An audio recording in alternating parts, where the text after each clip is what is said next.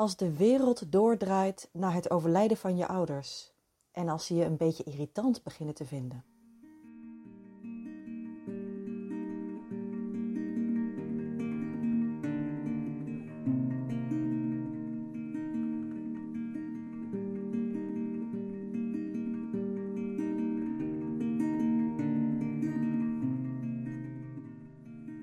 Als je één of beide ouders verliest, dan lijkt de wereld even helemaal stil te staan.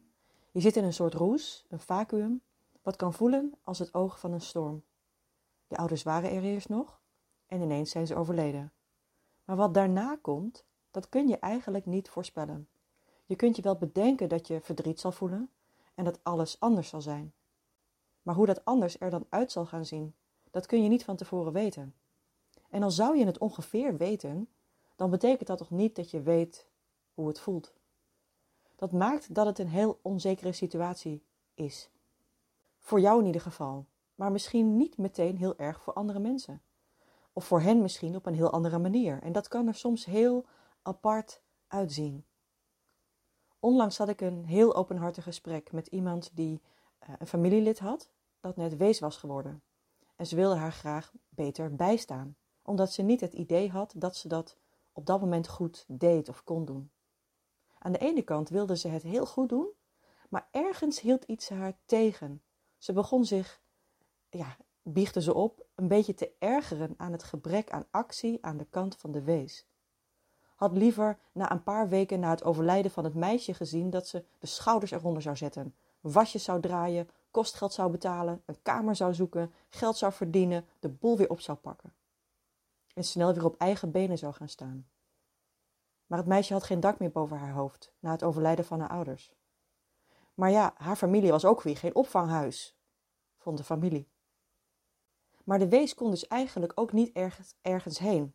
Die was door de coronasituatie haar internationale reis al verloren, haar contact met vrienden nagenoeg kwijt door de lockdowns, haar moeder was ze al kwijt, haar vader was net doodgegaan en ze had geen huis meer. Dat is dus wat er kan gebeuren als je je ouders verliest. Jij zit in een soort van vacuüm en je weet niet precies hoe lang dat gaat duren en wat daarna dan volgt.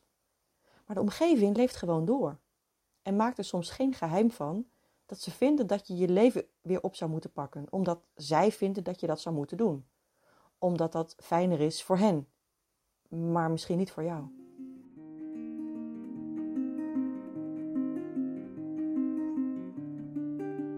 Want wat als je er helemaal niet aan toe bent dat je de schouders eronder zet? Misschien weet je niet hoe je leven er als wees uit zou moeten komen te zien. Had je je eigenlijk even een beetje geborgen willen voelen en in je eigen ritme willen ontdekken wat de juiste volgende stap in je leven zou moeten zijn. En eerst op krakkemikkige, geïmproviseerde manier je eerste rauwe rouw te uiten, in de vorm van vermoeidheid, lethargie, op de bank hangen, mopperen, janken, Netflixen of iets anders. De wereld draait soms heel bruut verder, heeft geen tijd voor je gedoe, als dat al acht weken duurt. Maar verlies, met name als het gestapeld verlies is, bijvoorbeeld en je moeder en je vader en je uitjes met je vriendinnen en je huis en je internationale reis, dat heeft een mentale prijs. Eén die je liever niet opbrengt. Eén waarvoor je liever zelf ook wel zou willen vluchten als het jou zou overkomen. In Netflix of iets anders. Want soms zijn dingen eigenlijk te zwaar om te dragen. Soms kun je zo in de rouw zitten dat het eruit ziet als woede, desinteresse of vluchtgedrag. Wat kun je dan doen als je dit ziet gebeuren als familielid? Als je het eigenlijk niet echt begrijpt, dat gedrag van diegene. Omdat jij van jezelf denkt dat jij dat echt heel anders zou doen als jij je ouders zou verliezen. Allereerst zou ik willen aanreiken dat je pas weet hoe je op iets reageert als het je daadwerkelijk overkomt. Daarvoor kun je wel een vermoeden hebben, maar de realiteit blijkt pas wanneer jij aan de beurt bent. Een mens is meestal geneigd iets positiever over zichzelf te denken op het moment dat je iemand anders iets in jouw ogen verkeerd ziet doen. Dat zou jij toch heel anders doen, toch? Schouders eronder, doorleven, stoer de wereld ingaan. Niet zitten kniezen. Maar is dat eigenlijk wel zo? Weet je dat echt wel zo zeker? Of misschien heb je niet meteen een oordeel over hoe een wees omgaat met het verlies, maar vind je het zelf gewoon te ongemakkelijk om ongevraagd met het pittige onderwerp van de dood geconfronteerd te worden. De dood is niet echt sexy. En in een tijd van corona en beperkende maatregelen maakt het de bol niet veel aantrekkelijker. Veel mensen hebben iemand verloren. We zijn een beetje gewend geraakt aan de cijfers van overledenen. Voor de meeste mensen zijn die cijfers precies dat: nummertjes.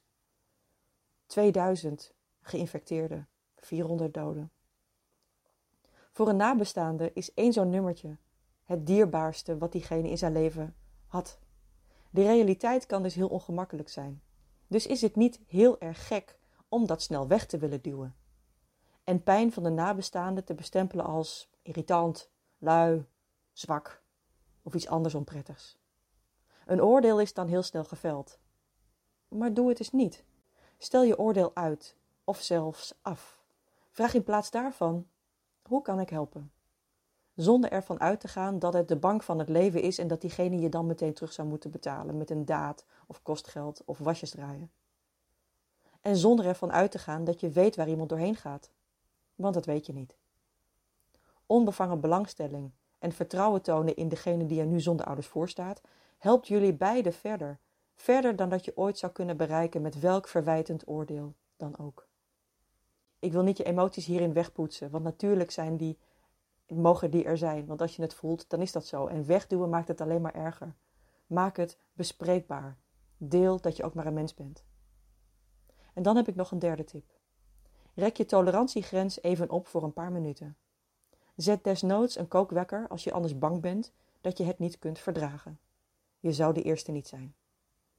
Maar goed, zonder je bang te willen maken, zet een kookwekker op vijf minuten. En doe je ogen dicht en probeer je voor te stellen hoe het voor jou zou zijn. Stel, het is januari 2020. Je bent op vakantie in Canada. Halverwege je reis krijg je een appje. Je moet meteen terugkomen naar Nederland, want je vader is overleden. En je bent wees, want je moeder was al dood. Je had je huur al opgezegd omdat je op reis ging en de wereld inging, dus je hoopt ergens te kunnen logeren als je terug bent. Je moet een uitvaart regelen. En ineens moet je ook langere tijd in Nederland blijven zitten, in lockdown, omdat er ook nog een keer een pandemie uitbreekt. En je vriendinnen zie je dus ook de komende tijd niet. En je mag ook niet onrijdelijk zijn of ruzie maken, want je moet dankbaar zijn dat je een dak boven je hoofd hebt, voor zolang dat duurt. Want je weet dat de bron van onvoorwaardelijkheid, je ouders, nooit meer terugkomt. Nooit meer. Maar je bent bek af, doodmoe en je weet het even niet meer. Stel, jij bent dit. Misschien staat je kookwekker nog te tikken en heb je nog vier minuten. Vier lange minuten om te voelen hoe dat zou zijn. Zo'n hè, die moet dat iets langer voelen dan vier minuten. En inderdaad, empathie is niet altijd gemakkelijk. Ik begrijp het. Maar het is wel de sleutel die je kan inspireren tot het uitstellen van oordelen en die je het zetje geeft om te vragen: hoe kan ik helpen? En ervoor te kiezen dat je de was even laat voor wat die is, dat je het kostgeld even laat voor wat het is en dat je samen even gaat Netflixen en samen gaat zoeken naar een appartement voor iemand. Naast elkaar staan. Dat is een praktische daad. En duizend keer krachtiger, menselijker en mooier dan oordelen vanaf de zijlijn. Dit is misschien een beetje tough love. Maar als je het wilt ontvangen en het toe wilt passen als het op je van toepassing zou, zou zijn, dan ben ik in ieder geval mega trots op je. En als dit ook maar één wees heeft bespaard van het dit moeten uitleggen, dan ben ik tevreden.